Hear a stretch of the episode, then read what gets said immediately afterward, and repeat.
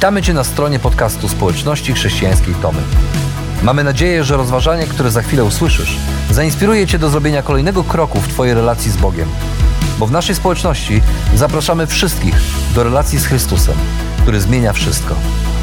Dziękujemy za Twoje zainteresowanie i zapraszamy Cię do polubienia naszego profilu na Facebooku, Instagramie i YouTubie oraz ściągnięcia darmowej aplikacji na smartfona. Dobrego słuchania.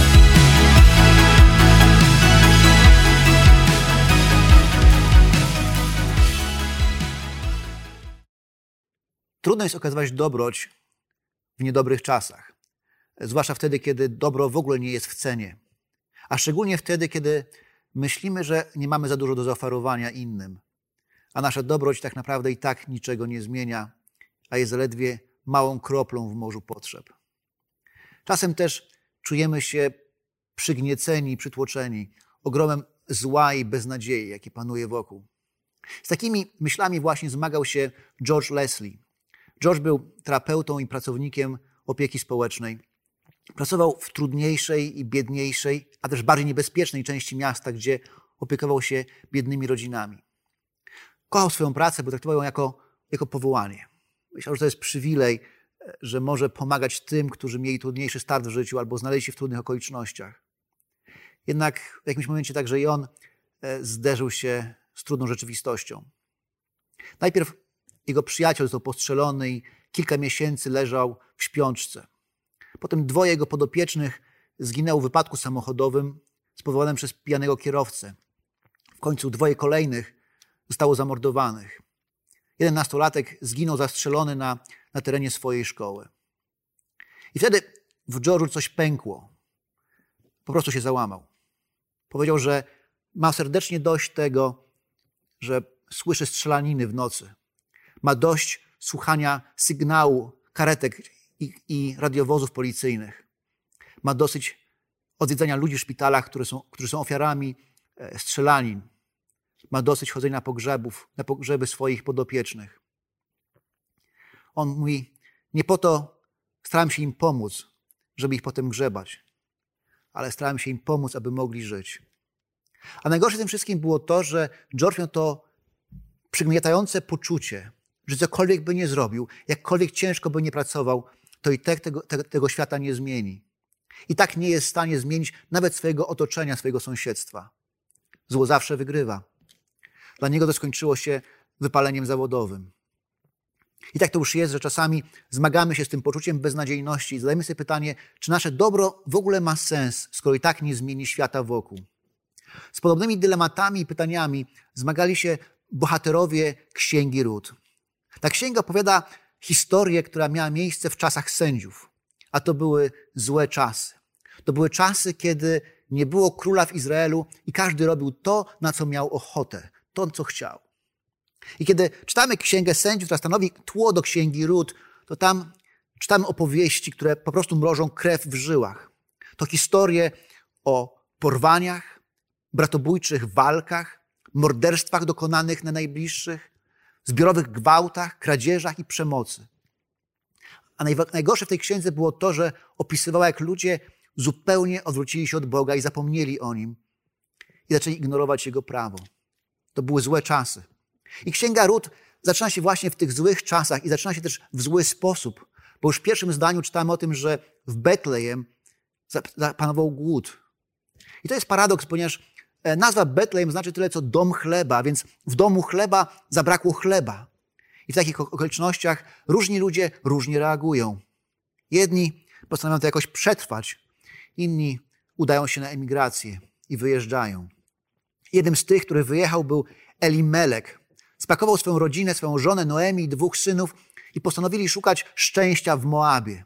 I to też jest pewien paradoks, ponieważ imię Elimelek znaczy tyle, co Bóg jest moim królem. I chociaż on nazywał się Bóg jest moim królem, to postanowił szukać szczęścia pod panowaniem pogańskiego króla w pogańskim kraju. Ale tam tego szczęścia nie znalazł, ponieważ niedługo po przeprowadzce Elimelek umarł. A jego synowie też wbrew prawu poślubili Moabitki, poganki. Ale też niedługo cieszyli się swoimi małżeństwami, ponieważ oni również umarli. I tak Noemi została sama, bez męża i bez synów. A kiedy dowiedziała się o tym, że głód się skończył, postanowiła, że jeżeli ma klepać biedę, to lepiej wśród swoich, a nie na obczyźnie, więc postanowiła, że wróci. I wtedy jedna z jej synowych, dziewczyna o imieniu Rut, to znaczyło tyle co przyjaciółka, powiedziała, że pójdzie z nią i zaopiekuje się nią, że się o nią zatroszczy. I to nie była łatwa decyzja, bo Rut musiała zostawić to, co znane, swój dom, swoją rodzinę, swój kraj, swoje, swoją kulturę i swoje obyczaje, aby pójść do obcego kraju. Ona też przeżywała osobistą tragedię, ponieważ Bóg zabrał jej męża, a zostawił teściową, co dla wielu już byłoby próbą i to poważną próbą. Ale ona też opłakiwała śmierć najbliższych. Co gorsze, Moab to był odwieczny wróg Izraela. Więc ta przeprowadzka to była, to była naprawdę poważna decyzja. To tak jakby w 1945 roku, tuż po zakończeniu wojny, jakiś Niemiec postanowił, że przeprowadzi się do Polski, zamieszka w Polsce. Pewnie nie byłby tutaj mile widziany i witany zbyt gorąco. A Rut zdecydowała się, że pojedzie z Noemi, aby się o nią zatroszczyć i się nią zaopiekować. A najgorsze było to, że tak naprawdę to nie było do czego wracać i, do czego je, i po co jechać. Ponieważ ziemia Noemi, ta ziemia, która była własnością jej rodziny, popadła w długi i ta stała się własnością wierzycieli.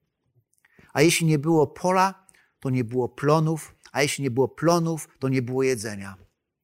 Tak więc, choć głód się skończył, to kiedy wróciły do Betlejem, cały czas zmagały się z perspektywą głodu i ubóstwa. I wtedy Rut podjęła bardzo odważną decyzję i powiedziała do swojej teściowej tak. A Rut bitka poprosiła Noemi, pozwól mi pójść na pola i zbierać kłosy za tymi, którzy okażą mi łaskę. Noemi zgodziła się. Idź, moja córko, powiedziała. I Rut poszła i weszła na czyjeś pole i zbierała kłosy za żeńcami. Wkrótce okazało się, że pole, na którym zbierała kłosy, należało do Boaza z rodziny Elimeleka. A oto i Boaz przybył z Betlejem. Pan z wami, pozdrowił żeńców. Niech Pan ci błogosławi, odpowiedzieli. Kim jest ta młoda dziewczyna? zapytał Boaz sługę zawiadującego, zawiadującego żeńcami. Ten odparł, to Moabitka, ta, która wróciła z Noemi, z Moabu. Przyszła do mnie i poprosiła, pozwól mi zbierać kłosy między snopami za żniwiarzami. Przyszła wcześniej rano i pracuje wytrwale do teraz. Pod dach skroniła się tylko na chwilę. Tak naprawdę nie wiemy, czemu tylko Rut postanowiła zbierać kłosy, ponieważ jako cudzoziemka, jako Moabitka była narażona na szykany, na nieprzyjemności ze strony e, mieszkańców Betlejem, bo była obca. Nie wiemy, czemu Noemi nie poszła z nią, bo dla niej byłoby to łatwiejsze, bo ludzie ją znali. Być może było tak, że Noemi była już zbyt stara i słaba. A może nie była już taka stara, ale była schorowana i nie miała siły, bo miała inne powody. W każdym razie Rut postanowiła pójść na jakieś pole. Jak mówi, idę poszukać łaski, czyli tej bezinteresownej dobroci. Powiedziała, że tak naprawdę zdana jest na łaskę i niełaskę dobrych ludzi. Więc poszła na jakieś pole i zapytała, czy może zbierać kłosy. To, co upadnie żniwiarzom w ich pracy na ziemię, aby, aby z tego, co uzbiera, być może udało się zebrać tyle, aby starczyło na, na kolację, na jeden posiłek, a może trochę więcej. I Rut tak pracowała. I kiedy czytamy ten tekst, okazuje się, że nie tylko była kobietą odważną i kobietą z inicjatywą, ale też kobietą, która potrafiła ciężko i wytrwale pracować, ponieważ pracowała od rana, nie robiła sobie przerwy i nawet schroniła, schroniła się w cieniu tylko na chwilę. A tak naprawdę e, nie wiemy, co działo się w jej głowie, ale być może miała to poczucie, że to, co robi, ma niewielki sens. Bo ile można zbierać, zbierając resztki za żniwiarzami? To wystarczy tylko być może na jeden posiłek, na jedną kolację. Może trochę na, na trochę więcej. Jednak e, nawet czasami jeden posiłek może wiele zmienić. Bob Green w swojej książce opisuje miasteczko w stanie Nebraska, North Pallet. W tym miasteczku mieszkało około 12 tysięcy mieszkańców. I była tam stacja kolejowa. I od 1941 roku na tej stacji kolejowej zatrzymywały się wszystkie pociągi wiozące żołnierzy jadących na wschodnie wybrzeża, a potem dalej na front. Każdy pociąg zatrzymywał się na jakieś 10-15 minut. Żołnierze wysiadali, aby odpocząć, rozpracować kości, a potem ruszyć w dalszą podróż. Mieszkańcy tego miasteczka pomyśleli sobie, że chcieliby dla nich coś zrobić. Nie byli bardzo zamożni, więc nie było ich stać na wiele, ale postanowili ugościć ich jednym posiłkiem. Rozstawili stoły, nakryli je białymi obrusami, a potem przynieśli kosze pełne jedzenia. Owoce, domowe wypieki, świeżo pieczony chleb, ciasta, najlepsze mięsa pieczone w domu, zupy w naczyniach i garnkach. A potem przyjechał pociąg. Wysiedli młodzi żołnierze i pytają się, za ile to? A mieszkańcy miasta mówią, za darmo, to dla was, bierzcie i jedzcie. A oni siadali przy stole na chwilę, by zjeść trochę mięsa, trochę ziemniaków, żeby nalać trochę zupy do menażki, a potem łapali kawałek chleba, jakiś kawałek ciasta albo, albo owoce i wsiadali do pociągu i ruszali w dalszą drogę. A potem przyjechał kolejny pociąg i kolejny. I tak przez wiele miesięcy. Bob Green dotarł do niektórych z tych żołnierzy długo po wojnie, kiedy oni już byli starszymi ludźmi w podeszłym wieku i zapytał się o Nord Plight i o to doświadczenie na stacji. A oni ze łzami w oczach opowiadali o tym jednym posiłku, który tam zjedli. Bo gdyby ich zapytać, czy dobroć ma sens, dla nich miała, bo doświadczyli dobroci w formie posiłku. I kiedy my czasami myślimy o sobie samych, że nie jesteśmy w stanie pomóc wszystkim, nie jesteśmy w stanie rozwiązać wszystkich problemów świata i zadajemy sobie pytanie, czy nasza dobroć ma sens, to odpowiedź jest prosta. Nasza dobroć dla innych ma sens, bo przynosi ulgę potrzebującym. Jednak Rut nie była jedyną osobą w tej historii, która zmagała się z trudnościami życia codziennego, z trudną rzeczywistością i beznadzieją.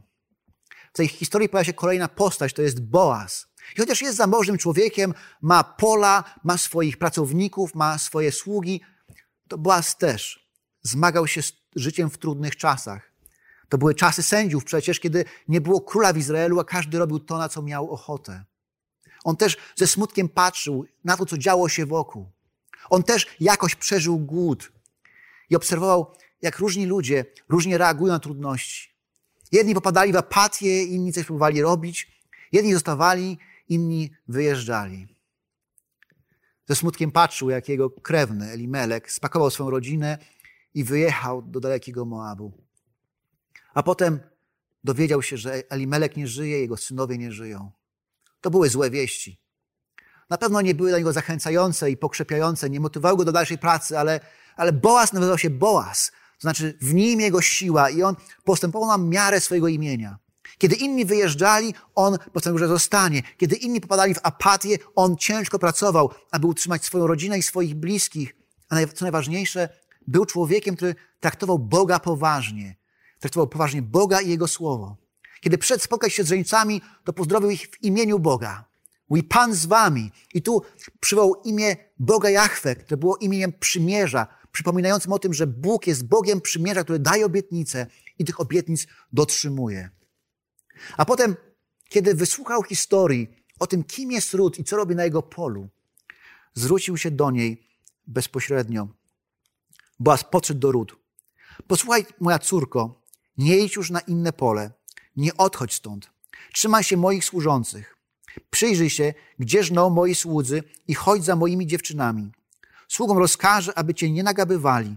Gdy poczujesz pragnienie, podejdź do dzbanów i pij to, co piją moi słudzy.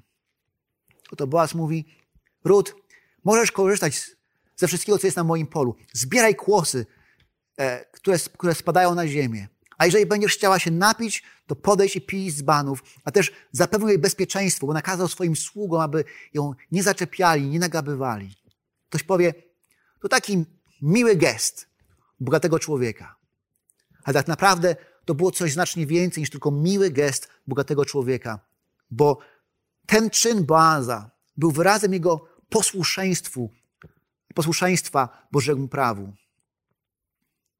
Ponieważ to prawo mówiło, że w czasie żniw należy, nie, należy zostawić jakąś część snopów czy zbiorów na polu. Nie zbierać wszystkiego.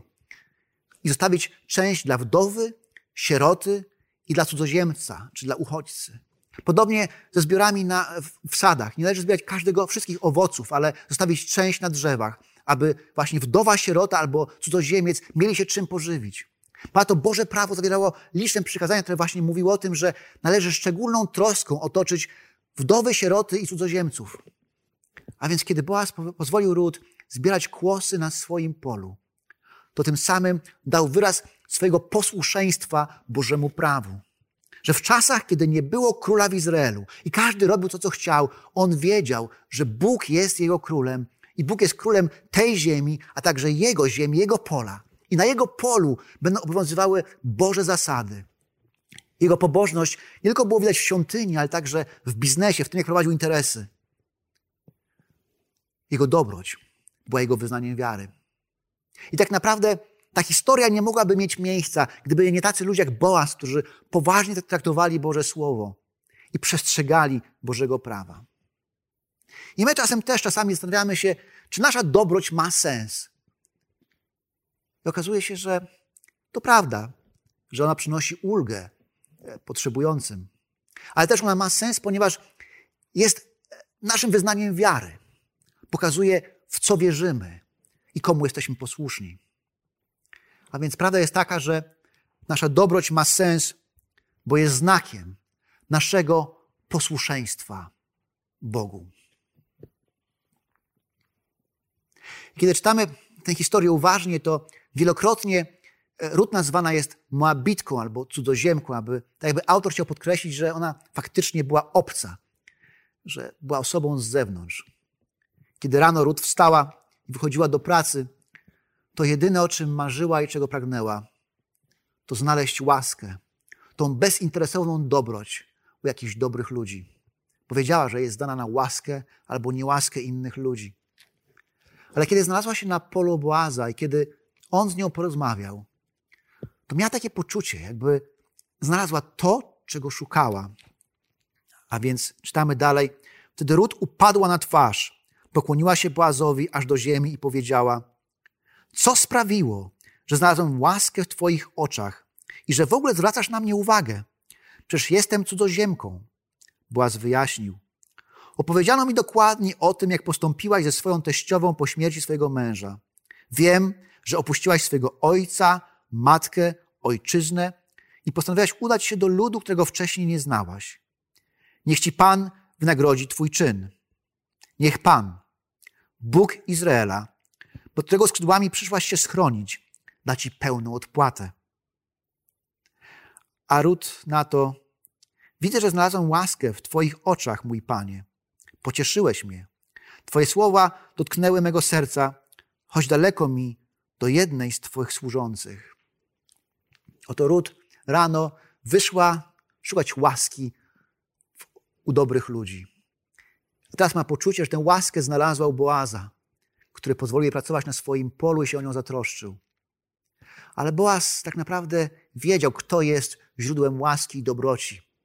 Powiedział, że Rut podjęła ważną i trudną decyzję w swoim życiu, bo kiedy zostawiła swój dom, swojego ojca, swoją matkę, swoją ojczyznę, swój kraj, swoich bliskich i przeszła do Izraela, to tym samym oddała się Bogu pod opiekę. A kiedy to zrobiła, to może mieć tą pewność i przekonanie, że Bóg się o nią zatroszczy. I dobry Bóg zatroszczył się o nią poprzez dobrych ludzi. Bo tak często, się, tak często to właśnie się zdarza i tak często to bywa. A potem Rut wróciła do pracy i pracowała dzielnie, wytrwale. Kiedy nadszedł czas posiłku, Boaz zaprosił ją do e, stołu, tam gdzie jedli inni jego pracownicy. Tam mogła zjeść chleba, zamoczyć go w polewce, a potem dostała prażonego ziarna. I dostała tyle, że nie tylko sama się najadła, ale też wzięła na kolację dla swojej teściowej, dla Noemi. A potem Boaz przykazał swoim pracownikom, swoim robotnikom, aby nie tylko pozwalali zbierać kłosy, które upadają na ziemię, ale, ale aby specjalnie zostawiali więcej, aby rozrzucali tych kłosów jeszcze więcej, aby jeszcze więcej mogła zebrać. Tak więc Rut pracowała wytrwale i ciężko do samego wieczora. Miała pełne ręce roboty. A kiedy nadszedł wieczór, zebrała to wszystko, co udało się zgromadzić w ciągu dnia i wymusiła, oddzieliła ziarno od plew. I kiedy to wszystko zważyła, okazało się, że zebrała efę zboża. Efa zboża to jest około 40 litrów. To jest cały wór zboża. Więc wzięła ten worek na plecy i zaniosła do Noemi. A kiedy Noemi zobaczyła, ile lud zebrała, to wiedziała, że coś się za tym musi kryć, że to nie jest przypadek. Dlatego Noemi zapytała, gdzie dzisiaj zbierałaś kłosy? zapytała teściowa. U kogo pracowałaś? Niech będzie błogosławiony ten, który zwrócił na ciebie uwagę. Człowiek, u którego pracowałam dziś, ma na imię Boaz, odpowiedziała Rut. Niech mu błogosławi Pan, który nie zaniechał swej łaski ani dla żywych, ani dla umarłych, powiedziała Noemi.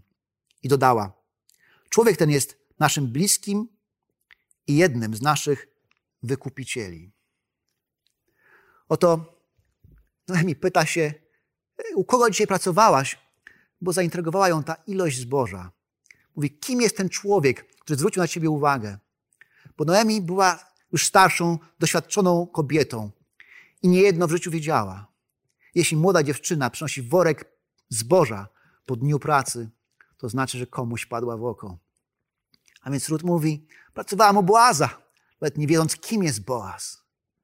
A Noemi to mu jej wyjaśnia, to jest nasz krewny, nasz bliski, jeden z naszych wykupicieli, czyli ktoś, kto ma prawo wykupić naszą ziemię z rąk dłużników, tak aby ona została w ramach naszej rodziny. A potem dodaje, że niech będzie błogosławiony Pan, który nie zaniechał swojej łaski, tej łaski przymierza, dobroci przymierza, miłości przymierza i żywym, i umarłym. Bo ona wiedziała, że w tej historii, za tą historią kryje się coś więcej. W tej historii chodzi o coś więcej. I tak naprawdę tej historii byśmy nie zrozumieli, gdybyśmy przeoczyli Boga, który w niej działa. Bo wydaje się, że ta historia jest pełna przypadków. Ród przypadkiem wychodzi na jakieś pole. I potem okazuje się, że to jest przypadkiem pole Boaza. A Boaz przypadkiem jest bliskim krewnym Elimeleka. I przypadkiem też jest człowiekiem, który przestrzega prawa i to prawo respektuje. I przypadkiem też ród wpada mu w oko. Ale kiedy czytamy tę historię uważnie, to okazuje się, że to nie jest przypadek, ale to Bóg, który nie zaniechał swojej łaski dla żywych i umarłych. To On za tym wszystkim stał i On wykorzystał ludzi, którzy znają Jego prawo i przestrzegają tego prawa, aby okazać dobroć innym ludziom. Kiedy Noemi patrzyła na to zboże, które Ruth przyniosła do domu, nagle doświadczyła nadziei. Jej serce napełniło się nadzieją. Bo życie tych kobiet wcześniej legło w gruzach wraz ze śmiercią ich mężów. Wydawało się, że ich świat się skończył. Ale teraz nagle zaczęły myśleć o tym, że Bóg faktycznie o nich nie zapomniał. Że dobry Bóg okazał im swoją dobroć przez dobrych ludzi. Bo tak to już jest, że nasza dobroć ma sens, bo wskazuje na dobrego Boga. Inni, doświadczając naszej dobroci, mogą odkryć, że Bóg faktycznie jest dobry i troszczy się o nich. I tak też było w tej historii, ponieważ zgodnie z prawem Boaz rzeczywiście jako wykupiciel e, wykupił ziemię, która należała do Elimeleka. Ale też nie tylko wykupił tę ziemię, ale poślubił ród, aby przedłużyć ród jej zmarłego męża, aby jego imię nie, nie zaginęło. A więc Bóg rzeczywiście zatroszczył się o żywych i umarłych. Noemi znowu miała dom i znowu miała rodzinę. A potem z tego związku Boaza i Rut narodził się Obed, syn. A Obed był ojcem Isaja, a Isaj był ojcem Dawida, króla Dawida, największego króla izraelskiego w czasach Starego Testamentu. Skończyły się czasy, kiedy nie było króla i każdy robił to, co chciał. Bo Bóg przez tą jedną rodzinę nie tylko pobłogosławił E, Noemi i Rut, ale też pobłogosławił i okazał swoją dobroć całemu swojemu narodowi. Jednak nawet w tym momencie ta historia się nie kończy, ponieważ kiedy czytamy Nowy Testament, to w Nowym Testamencie okazuje się, że imię Boaza i Rut znajduje się w rodowodzie Jezusa. Bo oni jako przodkowie Dawida, który był przodkiem Jezusa, stali się częścią także tej historii. A Bóg przecież posłał swego Syna Jezusa Chrystusa, aby okazać dobroć całemu światu. I my tej dobroci dzisiaj także możemy doświadczać i doświadczyliśmy, kiedy uwierzyliśmy w Jezusa jako swego Pana i Zbawiciela. I ten dobroć mamy przywilej okazywać dalej. Doktor Oswald Gulter e, był misjonarzem i przez 30 lat pracował w Chinach. Ostatnie trzy lata swojej, swojej pracy tak naprawdę spędził w domu, w areszcie domowym, aż w końcu komuniści powiedzieli, że mogą go wypuścić na wolność, jeśli obieca, że opuści Chiny, że wyjedzie. Obiecał. Napisał do towarzystwa misyjnego, aby przysłali mu pieniądze na, na bilet powrotny, na statek do domu. Przysłali mu pieniądze. On wsiadł na statek i dopłynął do Indii, gdzie miał czekać na kolejny statek. Ale po drodze zatrzymał się i e, dowiedział się, że niedaleko portu mieszka spora grupa żydowskich uchodźców. Mieszkają gdzieś w barakach, magazynach, upłakanych warunkach, więc postanowił ich odwiedzić. Aż akurat zbliżały się święta Bożego Narodzenia, więc przyszedł i mówi, mamy święta, co byście chcieli dostać na Boże Narodzenie? A oni na to, e, jesteśmy Żydami. Ale e, no to nieważne, co byście chcieli dostać na święta? E, my jesteśmy Żydami, nie obchodzimy świąt. Nie wierzymy w Jezusa Chrystusa. Nie wierzymy, że jest Zbawicielem i Mesjaszem. No dobrze, dobrze, ale co byście chcieli dostać na święta, gdyby ktoś chciał coś, coś, coś wam dać? No ale my jesteśmy Żydami, nie obchodzimy świąt. No rozumiem, że to usłyszałem, ale powiedzcie mi, gdyby chciał wam ktoś dać prezent na święta, to co byście chcieli? Oni podali się w końcu i mówią, no, gdyby ktoś chciał dać nam prezent na święta, to byśmy chcieli, chcielibyśmy taki keks z bakaliami, żeby przypomnieć sobie, jak to było w starych, dobrych czasach, żeby nasze dzieci miały coś dobrego. Więc dr Golder poszedł do cukierni i kupił całe pudła, kartony keksu. Wydał wszystkie pieniądze, które miał na bilet na kolejny statek, ale potem przyniósł im powiedział wesołych świąt. A następnie napisał kolejny telegram do Towarzystwa Misyjnego z informacją, że potrzebuje pieniędzy na bilet do domu. Przysłali mu pieniądze. A kiedy dopłynął do domu i tam opowiadał swoją historię na jakimś spotkaniu, w pierwszym rzędzie słuchał go pewien student seminarium. Słuchał i nie krył oburzenia z tego, co słyszał. I w jakimś momencie stał i mówi, proszę pana, jak pan mógł to zrobić? Przecież oni nawet nie wierzyli w Jezusa. A dr Golter popatrzył na niego i mówi, ale ja wierzę.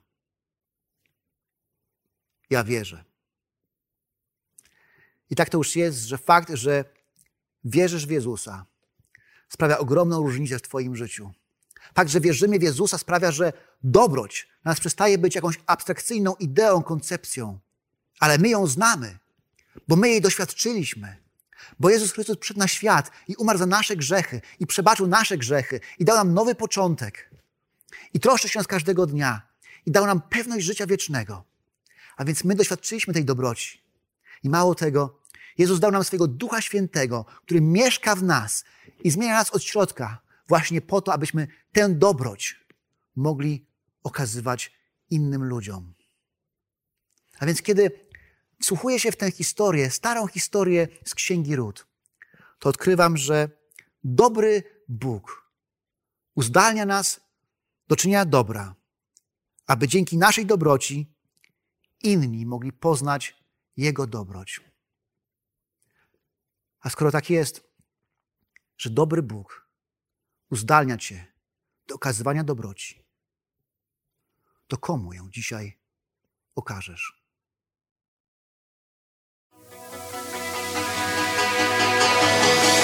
Jeszcze raz dziękujemy za wysłuchanie naszego rozważania. Jeżeli mieszkasz w okolicach Tomaszowa Mazowieckiego lub Łodzi, zapraszamy Cię do odwiedzenia nas na niedzielnym nabożeństwie. Więcej informacji znajdziesz na stronie schatomy.pl.